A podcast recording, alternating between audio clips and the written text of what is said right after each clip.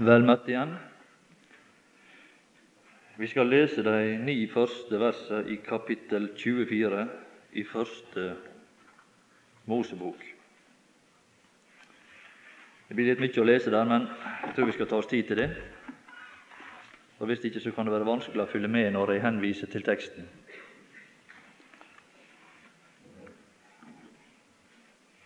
Abraham var nå gammel og langt ut i årene. Og Herren hadde velsignet Abraham i alle ting.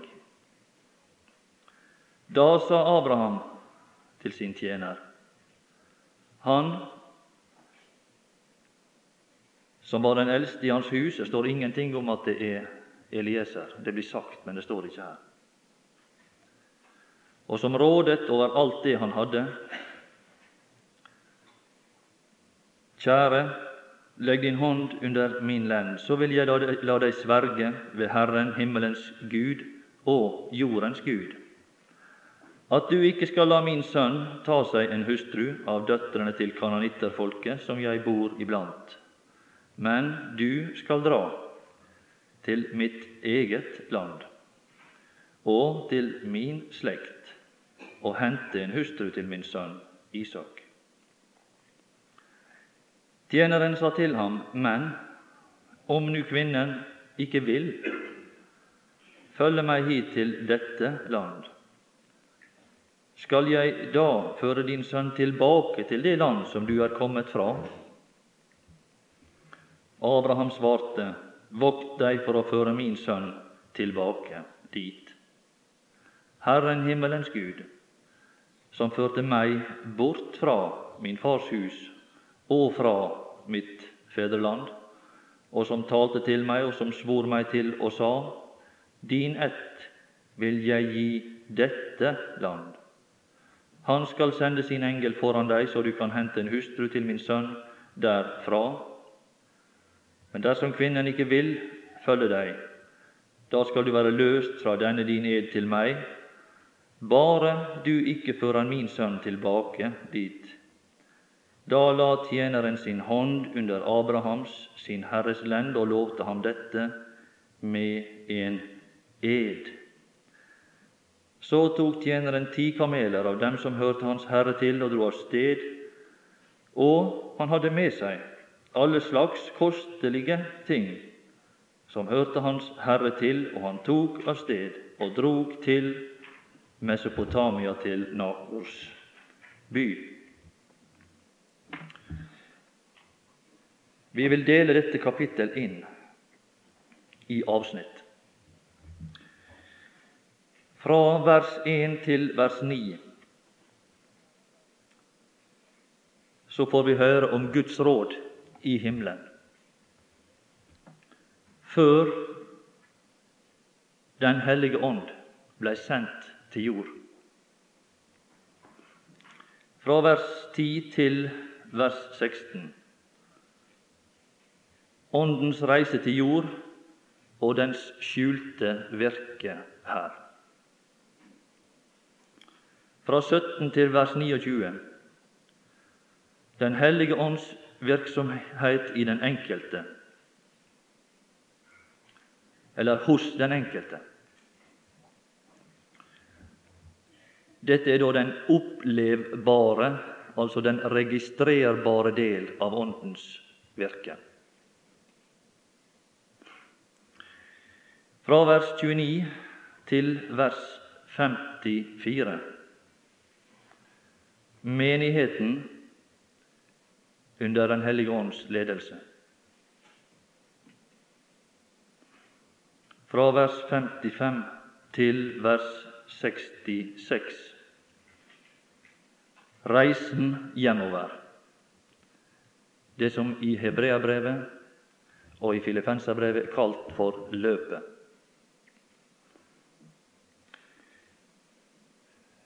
Vers 67 bortrykkelsen. Møtet i det himmelske. Der dette ord står at så Og Isak førte henne inn.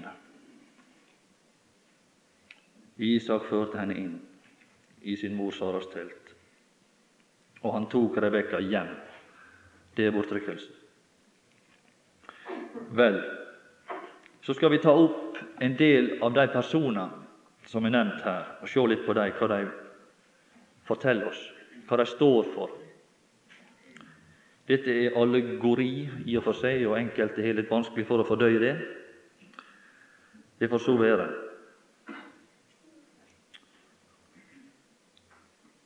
Du trenger iallfall ikke være i utgangspunktet skeptisk, tror jeg. Abraham står som et bilde på Gud, og han blir da kjent i første omgang av Isak som Faderen. Isak blir da et bilde på Jesus Kristus, Guds sønn. Hvis vi går til vers 14, vil vi finne at i denne tekst er Isak kjent som tjeneren. Vi leser der midt i verset at hun er den du har utsett for din tjener, Isak. Her kommer et tillegg til sønnens rolle. Han er kjent som, kjent som tjeneren. Og det er ganske klart at det var av sin tjeneste mot Faderen at Sønnen fikk denne, denne menighet som han her får, denne, som er vist i denne kvinne her, Rebekka. Han var elska av Faderen som barn i et barneforhold på en måte. Som i et sønneforhold. Men det var en kjærlighet som fikk et tilleggspreg. Derfor elsker Faderen meg, fordi jeg setter mitt liv til. Altså Det var en kjærlighet som kom i tillegg til den grunnleggende kjærlighet som Gud har til alle sine barn. Og i Jesu liv gikk denne grunn til kjærlighet som han ga sin far, den gikk til et crescendo ved Golgata og nådde ei høgde som ingen andre kan komme til å vise fram.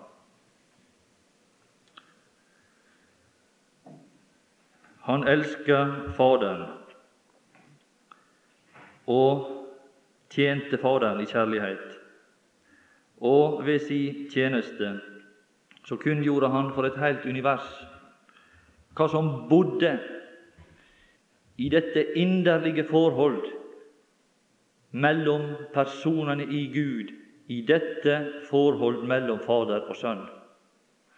Denne kjærligheten var en slik intens flamme og varme at det ikke ei eneste sjel ikke er inneslutta i den kjærlighet som var i dette forhold. Det er ikke en kjærlighet som bare er mellom to personer, men det er en slik rikdom i dette forhold at ingen utenom sjøl den fjerneste skapning ikke er altså Da snakker vi om mennesket. Er utenom den kjærlighet. Enn ikke den usleste synder.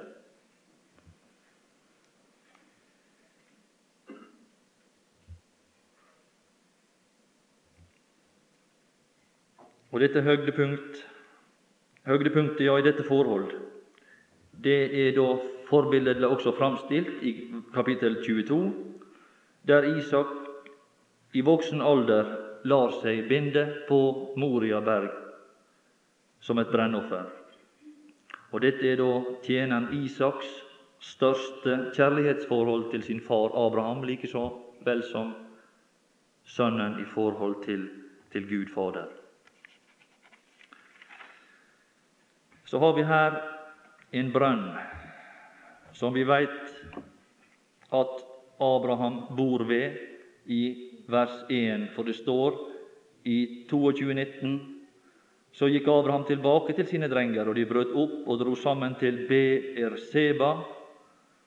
og Abraham ble boende i Berseba.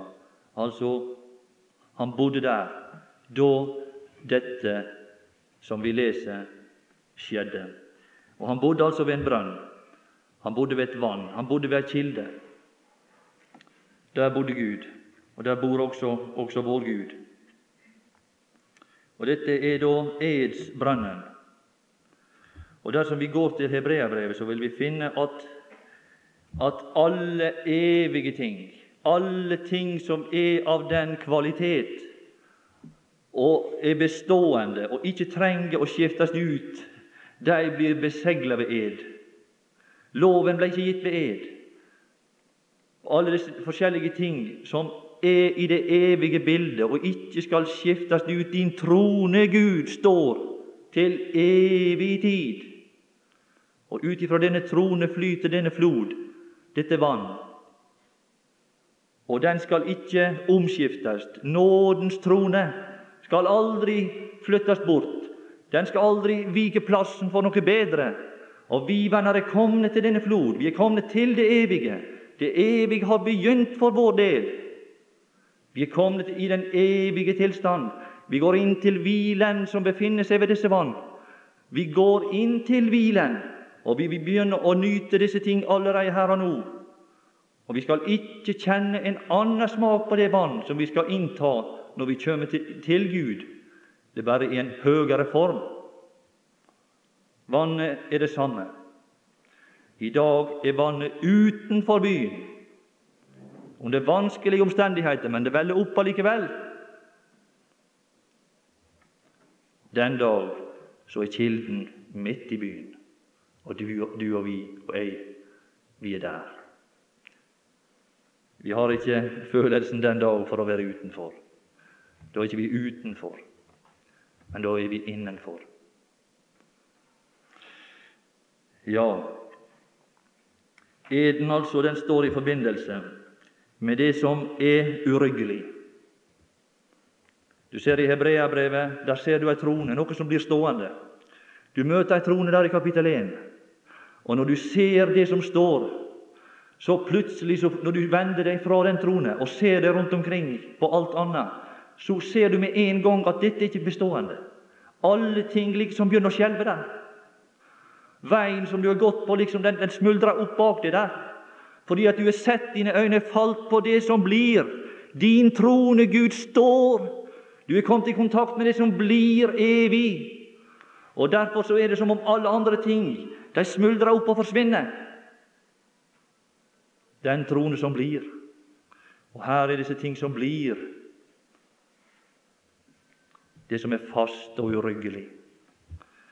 De ting som er gitt oss. De ting er det som er forbundet med ed, og dette er den brønn som er kalt edsbrønnen. Den kilde som veller opp friskt til enhver tid for oss. Og vannet i denne kilde, hva, hva egentlig taler det om? Det taler om ei uendelig skjønn side ved Gud, som vi for så vidt nevnt, nemlig denne uforskyldte godhet som er hos Gud. Denne nåde, denne miskunn. Og I verden så ser vi dette vann komme til syne i Kristi person, og nåden den veller ut ifra Han, og Han sa det om noen tørster, Han kommer til meg og drikke.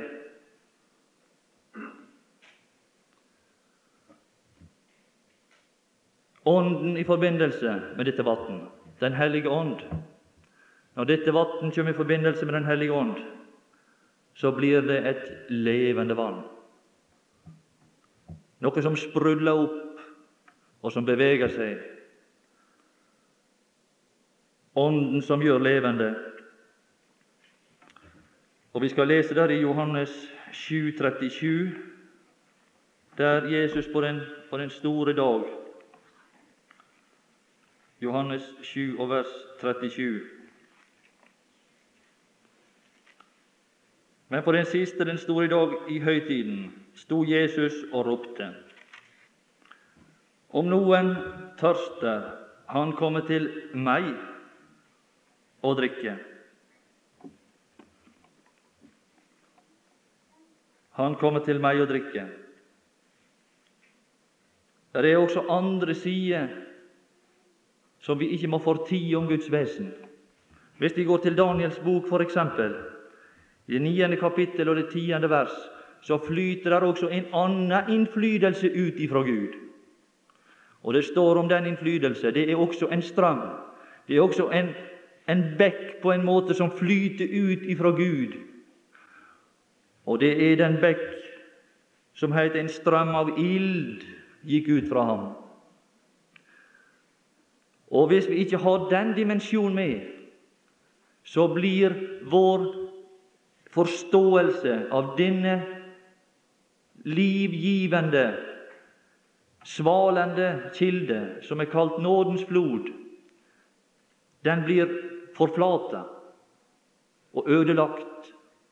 Hvis vi ikke også ser det at ut ifra Gud flyter der en en strøm av ild som er i stand til å ødelegge alt det som ikke stemmer og svarer til hans vesen, og som er rede til å straffe og bringe bort ifra Guds nærværelse enhver innflytelse som ikke står til hans vesen. Og det skal han gjøre. Og Vi ser det flere plasser i Hebreabrevet. Dess nærere du kommer til denne trone, Dess mer maktpåliggende blir det for hebreerbrevets forfatter å liksom vise til disse flammene her. Dess nærmere vi kommer, dess sterkere inntrykk får vi av at det er også en annen innflytelse der. For vår Gud er en fortærende ild. Vår Gud. Ikke andres Gud, men det er vår Gud.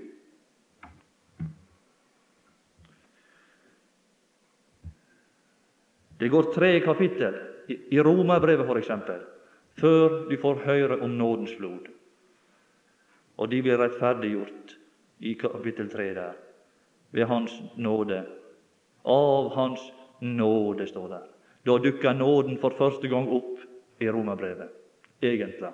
Den er nevnt før, men ikke i lære, ikke, ikke læren der. Vel, vi var i Johannes 7. Den som tror på meg, av hans liv skal det, som altså skal, framtid. Han ser framover mot at Den hellige ånd skal komme. Skal det, som Skriften har sagt, rinne strømmer av levende vann. Dette sa han, og så kommer en forklaring. Dette sa han om den ånd som de skulle få som trodde på ham. Altså Det var noen som var troende på ham, like som Rebekka var det i dette kapittel, på en måte, forbilledlig.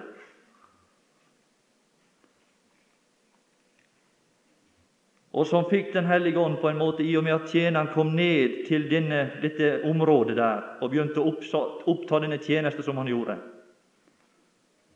Dette sa han om den ånd som de skulle få som trodde på ham. For ånden var ennå ikke kommet. Men når vi nå leser her fra kapittel 24, så er ånden på vei til å fare. Og den kjem da til Mesopotamia, like som Den hellige ånd kom ned til Jerusalem og området der.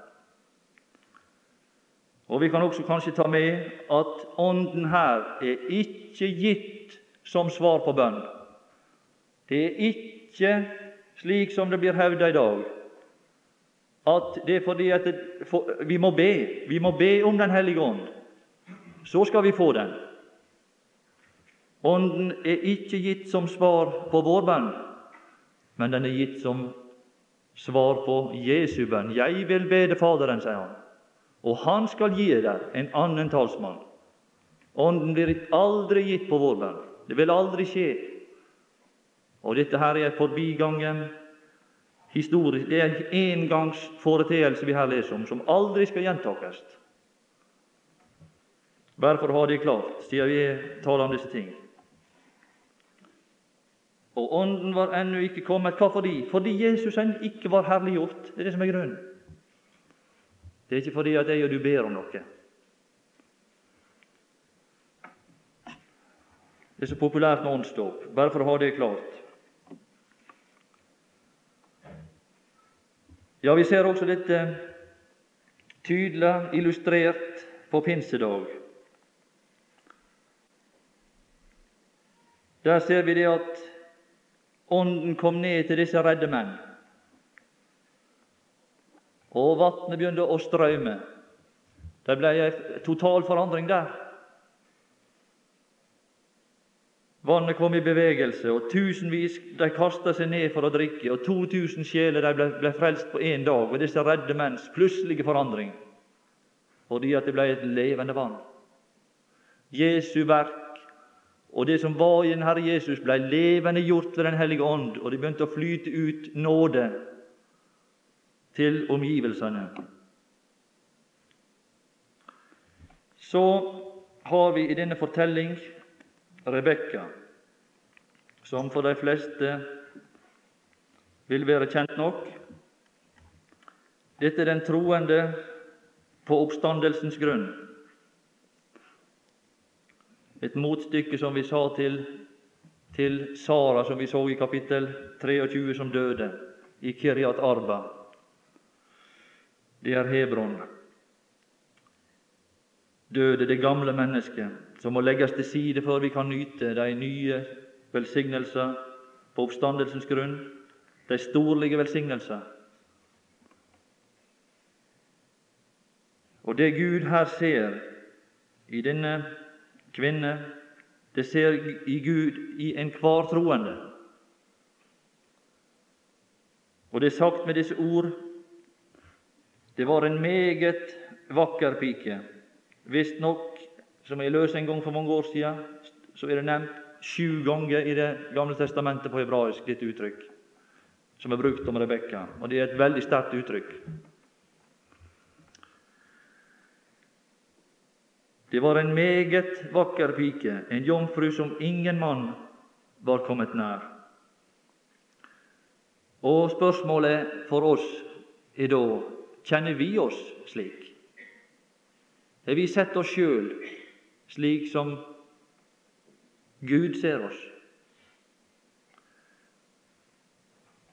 Og hvis at vi har tatt oss en tur tilbake langs bekkens bredd, som vi talte om i går, tilbake til til Guds egen atmosfære og det sted der han bor, i den velsignedes tilstand, så kunne vi kanskje lære litt om hva Gud ser i dem som han er frelst, og som han er utpeika til brud for sin sønn. Men det er også ei anna side ved Rebekka som vi lite kommer til å berøre. det er at Rebekka taler om den troende som den som beveger seg fra den verden der hun er og er født, til det himmelske, ledet av denne tjener. Og det er det som blir kalt løpet. Jeg strekker meg ut etter det som er foran, sier Paulus. Det ser vi også lenger ut i dette kapittel, og det innledes, den reise innledes med dette spørsmål Vil du reise? Vil du reise? Og Det blir framstilt som et gjensvar på all den godhet som strøm, strømmer den troende i møte. Så kommer spørsmålet Vil du reise? Og Der er et uttrykk som er veldig sentralt, det er ordet 'vil'. Det er gjentatt flere ganger, jeg tror fire ganger i dette kapittelet. Vår vilje kommer sterkt inn her. Vil du reise? Vel, så kjem vi til et litt vanskeligere spørsmål. Så ser vi her noen veldig stygge og klumpete dyr, disse kameler her, som står om i vers 10. Og det var rart det ikke var hester. Det er så mye koseligere, de. Hestegalne, også heter det. Jeg har aldri hørt om noe som er kamelgalnen, men det kan hende det fins det også. Men hester, vet du, det er noen fine dyr. Det tiltaler mennesket. Men her er det noen kameler.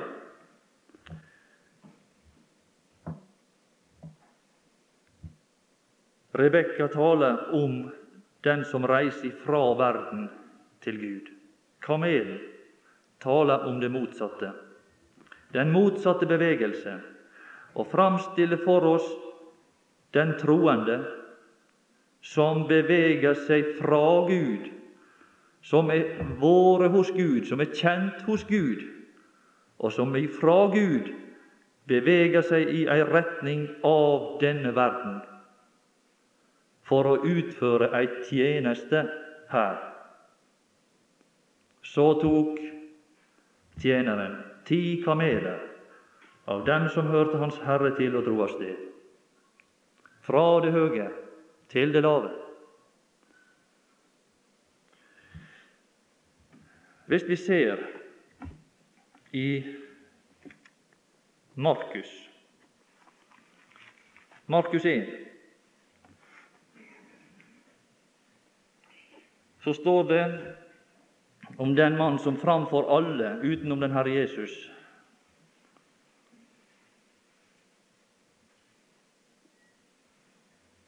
fikk dette vitnesbyrd. Det framsto en mann i Johannes 1,6 står det utsendt fra Gud. Det er det som var selve kjennetegnet på Johannes. Det var en mann som var utsendt fra Gud like som disse kameler som var utsendt fra himmelen for å komme ned til denne verden, bærende med seg åndelige Eller der var det da selvfølgelig eh, vanlig opplevbar sanselig rikdom. Men det er andre tjenere som går ut ifra Gud, som bærer med seg usynlig rikdom. Og det er disse himmelske kameler. Og, Johannes var en av dem.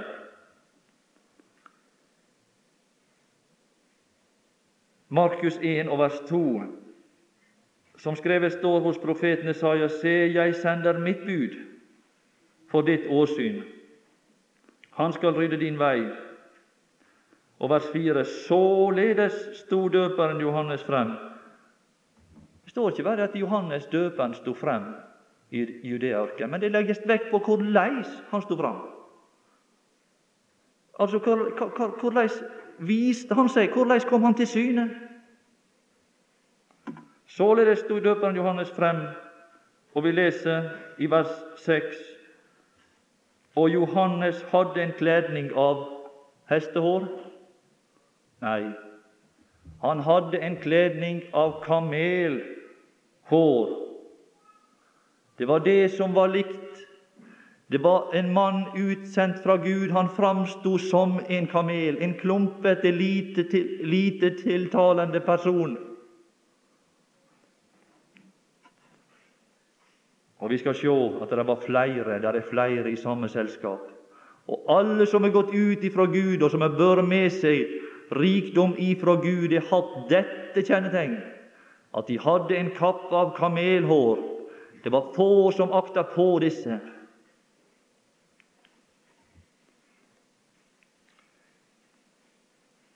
Ja, ser du på disse kamelene, og ser du på Johannes, så vil du si at de er veldig like. Til forveksling like. Og endatil så kan vi legge til det at kamelen, hvis du går tilbake til, til Moses, så vil du finne at han hensetter disse kamelene under de ureine dyr. Og for en jøde var en forferdelig vanære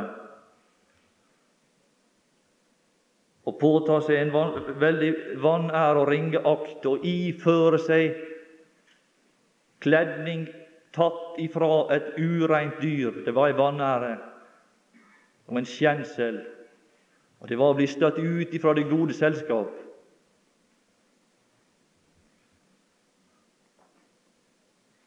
Så er det også at disse kamelene har en annen viktig funksjon. hva er det? Jo, de synliggjør denne tjener som kom ifra himmelen. De på en måte ber denne tjener inn i Rebekkas verden og den rikdom som de har med seg. Og Vi skal være klar over det at Den hellige ånd, slik som den kommer til syne i denne verden, er usynlig. Den er helt umulig å se. Og Derfor har disse, disse tjenere, disse kameler, de har fått denne oppgave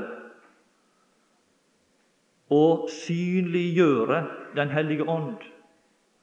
Og vise fram ved sin evne til å bli synlig. Ved at dette her er snakk om mennesker, det er snakk om tjenere, Guds tjenere, som illustrerer Den hellige ånds vesen ved sin måte å oppføre seg på i denne verden. All ånd er usynlig, også Den hellige ånd.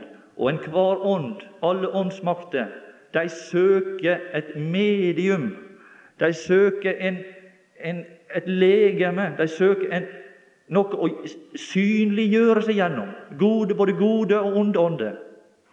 Og Den hellige ånd også er fullstendig avhengig av å synliggjøre seg gjennom personer. Og slik blir her forbilledlig Den hellige ånds innflytelse vist fram gjennom disse kameler, slik at den kunne komme til, til syne i Rebekkas verden. Hvis ikke så var Den hellige ånd uten muligheter til å gjøre seg gjeldende. Og slik er Den hellige ånd også satt ut av spill dersom ikke vi stiller oss åpen for dens innflytelse i vårt liv. Og vår tjeneste, den vil være nytteløs. Så skal vi lese om den største kamel av alle, nest etter den Herre Jesus, nemlig Paulus. Og han var ikke han var ikke noen særlig populær person, Paulus. Andre Korintiabrev. Vi skulle stoppe lenge der, men vi skal prøve å være litt korte. Og andre Korinterbrev 6. Men som medarbeidere Altså, vi snakker her om, om en arbeider, en tjener. Men som medarbeidere formaner vi dere også. Ja, la vi bare hoppe over det. Men vers 3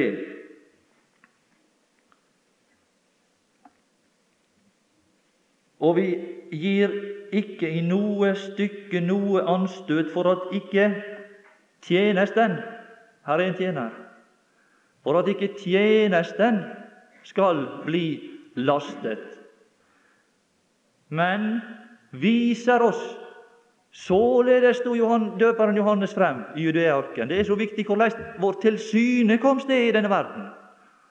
Om Den hellige ånd har inspirert den, slik at vi kommer fram på den måte som Den hellige ånd ønsker, slik at den innflytelse vi bringer med oss, er likt den som er ved nådens kilde i den himmelske verden. Derfor er det også av avgjørende betydning det står av dem som hørte Hans Herre til. Det er de som er vært i huset, som kommer derifra.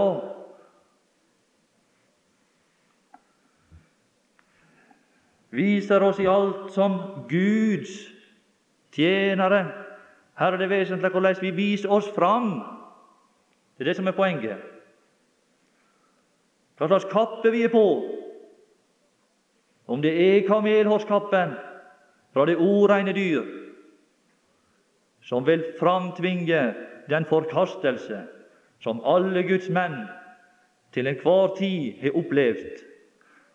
Og jeg har sagt det, Hvis jeg får navnet mitt i avisa, hvis bildet av meg kommer i avisa, den dag vil jeg gråte som en gudstjener.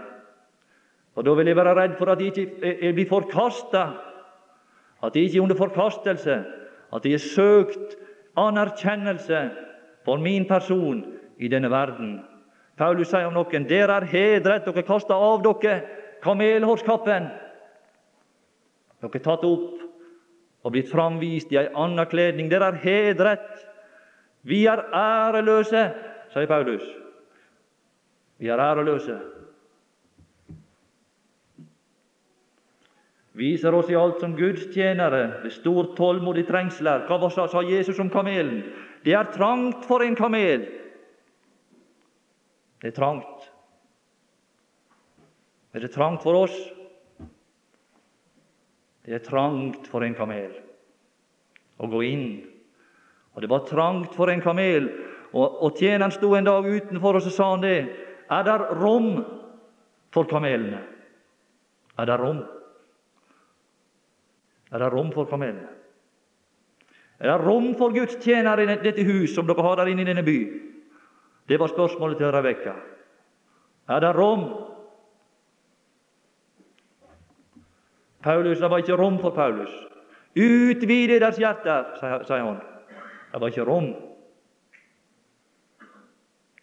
Vi viser oss i alt som Guds tjenere, ved stor tålmod, i trengsler, i nød, i angst, under slag, i fengsler, i opprør, i strengt arbeid, i nattevåk, i faste, ved renhet, ved skjønnsomhet, ved langmodighet, ved godhet, og så kommer det ved Den hellige ånd.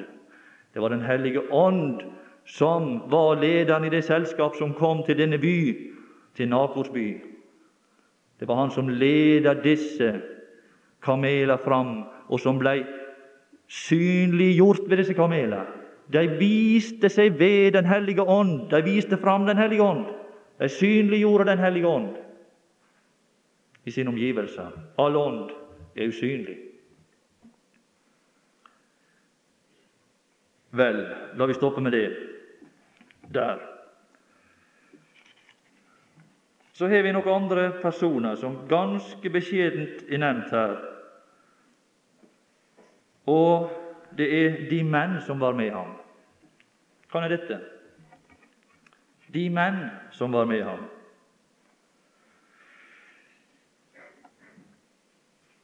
Disse framstiller for oss englene som står omtalt i Hebreabrevet 1, 14. De sendes ut, de er tjenende ånder, står det. Og Derfor er de så beskjedent nevnt her. De er liksom bare nevnt slik helt i forbifarten, men de er viktige. De sendes ut til tjeneste for deres skyld, som skal arve frelse. Kan du greie deg uten disse engler? Vil du sende dem tilbake til himmelen? Nei, nei. Tenk, vi trenger dem. Vi trenger dem nok. Tjenende ånder, usynlige ånder, som er arvingenes tjenere. De sendes ut til tjeneste for deres skyld, som skal arve frelse. Og Når du kommer lenger ut i Hebreabrevet, i det 13. kapittel, så er det nevnt en gang til disse englene som, som liksom bare er der slik helt eh, liksom bare spøker i kulissene, som vi sier. De bare er der. Men det er godt liksom å få bli minnet om det av og til, slik at vi bare veit at de er der. Hebreabrevet 13. Og vers 2. Glem ikke gjestfrihet, for ved den har noen uten å vite det. Ja, det, var det. det, var det som var så dumt. For ved den har noen uten å vite det Det var usynlige personer. Tjenende ånder, uten å vite det, hatt engler til gjester. Ja, det er godt. Ved at du viser gjestfrihet, så kjenner du det at Å, det var engler på besøk. Det var engler på besøk. De legger igjen en himmelsk atmosfære i huset, i det sjel, og de tjener deg i ditt forhold til Gud uten at du veit om det. Men det er virkning av disse ting. De har hatt engler til gjester.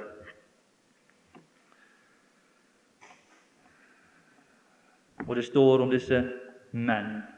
Det er merkelig at det, det uttrykket er menn. Ser du det? Og det taler om menn taler om styrke. Disse englene her er mektige, sterke personer. Kvinner taler om svakhet, en mann taler om styrke. de menn som var med ham. Og dette følget som utgjøres av disse personer, disse kameler, og denne ånd, det er slike ting som alt er satt i scene av Gud. Og det er godt liksom å få se dem samla. Og få se at dette her er mine tjenere, det er ting som Gud er sendt ut. Det er jo faktisk talt en hel liten flokk som kommer der fra den evige verden inn i min verden. Og her føler jeg meg som en liten stakkars enslig person. Og så tenker jeg ikke over det at Gud han er satt nærmest himmel og jord i bevegelse for å, å tjene meg i denne tid, og for å være meg til hjelp. Ja, de er anonyme også her. De sees nesten ikke, men er der bare likevel. Og disse tjenende ånder, kan du si, de er på en måte De sitter også her i denne skare her nå. I det foregående kapittel, i det 22. vers i kapittel 12, så står det 'englenes mange tusener'. Dere er kommet til englenes mange tusener. Og de er både i himmel og på jord. Og de er på en måte et bindeledd mellom himmel og jord. Og her har de på en måte i, i kapittel tolv her har de på en måte vært med i den tjeneste og brakt oss inn til den himmelske stad. De er kommet til Guds stad. De har ført oss inn i Guds stad, og vi liksom befinner oss der. Dere er kommet til Guds stad, til det himmelske Jerusalem, til englenes mange tusener. Og det er en vidunderlig by å komme inn i når vi liksom blir dratt ifra denne verden. Og, og vi begynner vårt løp i kapittel 1 og vi liksom vender oss mot himmelske, dette himmelske stedet og løper inn der og begynner å oppleve Guds by. Og vi får den kjær, og vi kommer inn der. Så står der i, Går vi da tilbake til kapittel 13, så står det La broderkjærligheten bli ved. La broderkjærligheten bli ved. Og det er ganske sikkert at når vi har vært gjester i Guds by, når vi har vært kalt inn der, og når Gud har tatt oss til bordet, og når Gud har tatt oss inn og forpleier oss der i sin by, så står det like etterpå Legg vind på gjestfrihet. Skal si dere det, venner. Skriften er slik. Den taler aldri om gjestfrihet uten at vi først er tatt inn i Guds gjestfrihet. Han har lært oss hva gjestfrihet er for noe. Han har tatt oss inn i sin by, han har tatt oss inn i sin verden. Han kalte oss til sitt rike og til sin herlighet. Og han har lagt inn disse ting åpent for vår opplevelse allerede her og nå. Han fører oss inn til dette sted, og når han har vist oss denne, dette stedet, og vi har fått oppholdt oss der, like som i Ånden, så sier han det legg vind på gjestfrihet, og la broderkjærligheten bli ved. Ja, vi kommer fra den levende Guds by, som blir det faste og det sikre by, som aldri skal rokkes. Alle andre ting i Hebreabrevet det forsvinner. Og, og, vi ser her f.eks. det som vi nevnte også Hans røst rystet den gang jorden. Men nå har Han lovt og sagt enda en gang vil jeg ryste, ikke bare jorden, men også himmelen. Og da er det det at vi liksom vi elsker dette sted som står der høgt, høgt over disse omskiftende ting. Og vi ser at der skal vi sitte i evig fred og ro. Og Litt lenger nede så ser vi det i det vers 28 f.eks. Der, derfor, da vi får et rike som ikke kan rystes, så la oss være takknemlige og derved tjene Gud til Hans velbehag med blygsel og frykt og så ser vi da det 29. vers, disse ildtunge. For vår Gud er en fortærende ild. Vi ser at liksom Guds vesens eh, eh ild, den liksom slikker oppover alt det som er uedelt, og alt som skal forsvinne, og alt som ikke har denne karakter at det kan bestå. Og når vi kommer fra Guds by, og vi ser alt dette, da er det, venner, at den ekte broderkjærlighet blir født i oss. La broderkjærligheten bli ved. Da fødes den som består. Vi må inn i denne kjærlighet og inn til dette sted, like som i Ånden, for at disse ting kan fødes i vårt indre, det som forblir. Da blir den ved, fordi vi har vært på det sted som blir. Det er det som er. Da blir den ved.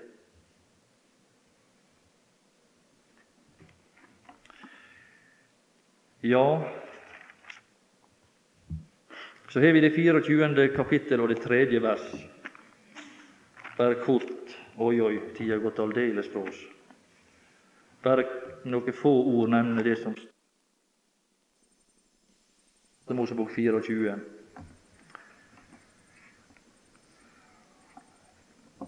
Kananitterfolket som jeg bor iblant, sier Abraham.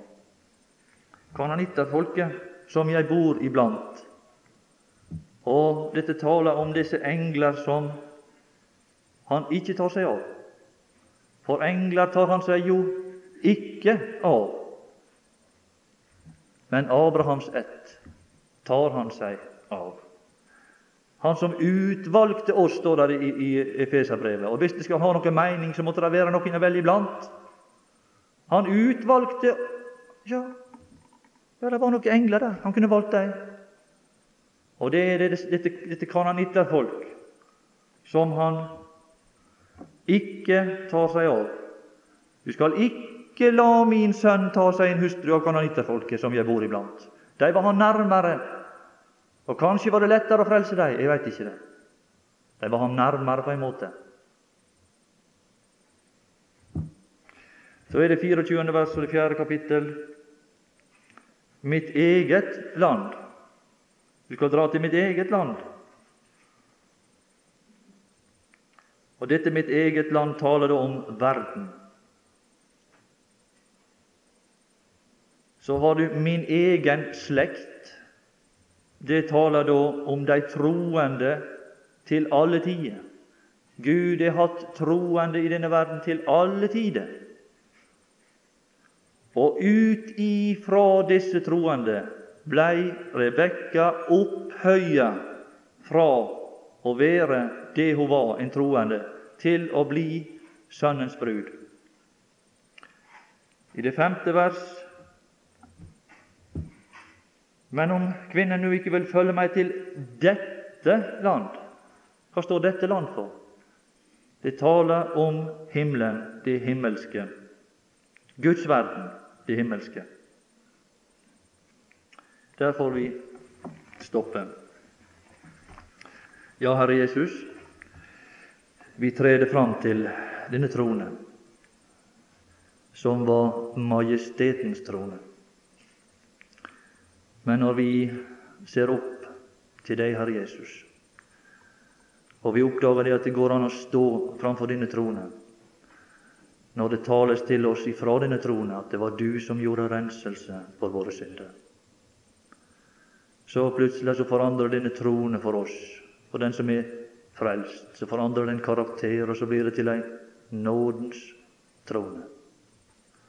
La oss derfor trede fram med frimodighet for nådens trone. Og vi vil søke å gjøre ei reise ifra vårt land til din verden og søke det som er der oppe. Og Vi takker deg, Herre Jesus, at vi skulle få denne nåde og høre om disse ting. Så må du la noe av din sannhet bli igjen i den enkelte og slå rot der, og vokse til hundrede fold. Amen.